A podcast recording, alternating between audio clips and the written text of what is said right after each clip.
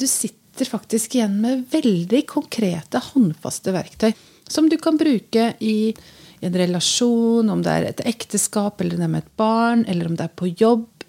Eller det er bare å gå på gata med tilfeldige treff. Altså, det er så mange situasjoner du kan bruke det. Det er en sånn skifting mellom eh, mer sånn fysisk og kognitivt. At eh, vi har, legger inn øvelser som bryter opp. Altså, men jeg, I min alder jeg har vært med på utallige seminarer og møter opp igjennom.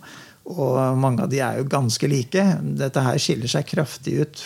Kurset skaper også mulighet for ikke bare nye bekjentskaper, men også at man kan skape ting sammen. Da. Sammen seinere, ja. Mm, nye dialoggrupper, eller at man kan jobbe sammen. At man har plutselig fått seg en ny kollega. Da. Man knytter relasjon til uh, si, medmennesker på en dypere måte, som er veldig vanskelig oppnå i dag for øvrig. Gjennom at vi alle har så mye å styre med.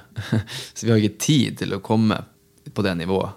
Dialog, det å skape mening sammen, det å være på jakt etter meningen istedenfor å være på jakt etter det som gjør at vi er forskjellige, det tror jeg vi har veldig mye å, å hente på og leve mer etter.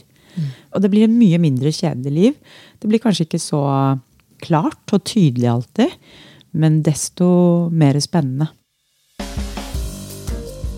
Flux har som mål å inspirere til nye tenkemåter for en mer bevisst og meningsfull fremtid gjennom bokutgivelser og dialogarbeid.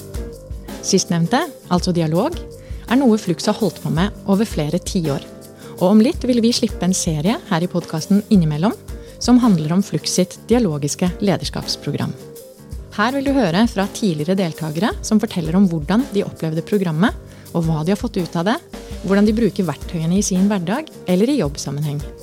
I tillegg vil du høre Trine Line fra Flux, som er en av de som har designet dialogisk lederskapsprogram, fortelle om sitt forhold til dialog og hvordan og hvorfor programmet ble til.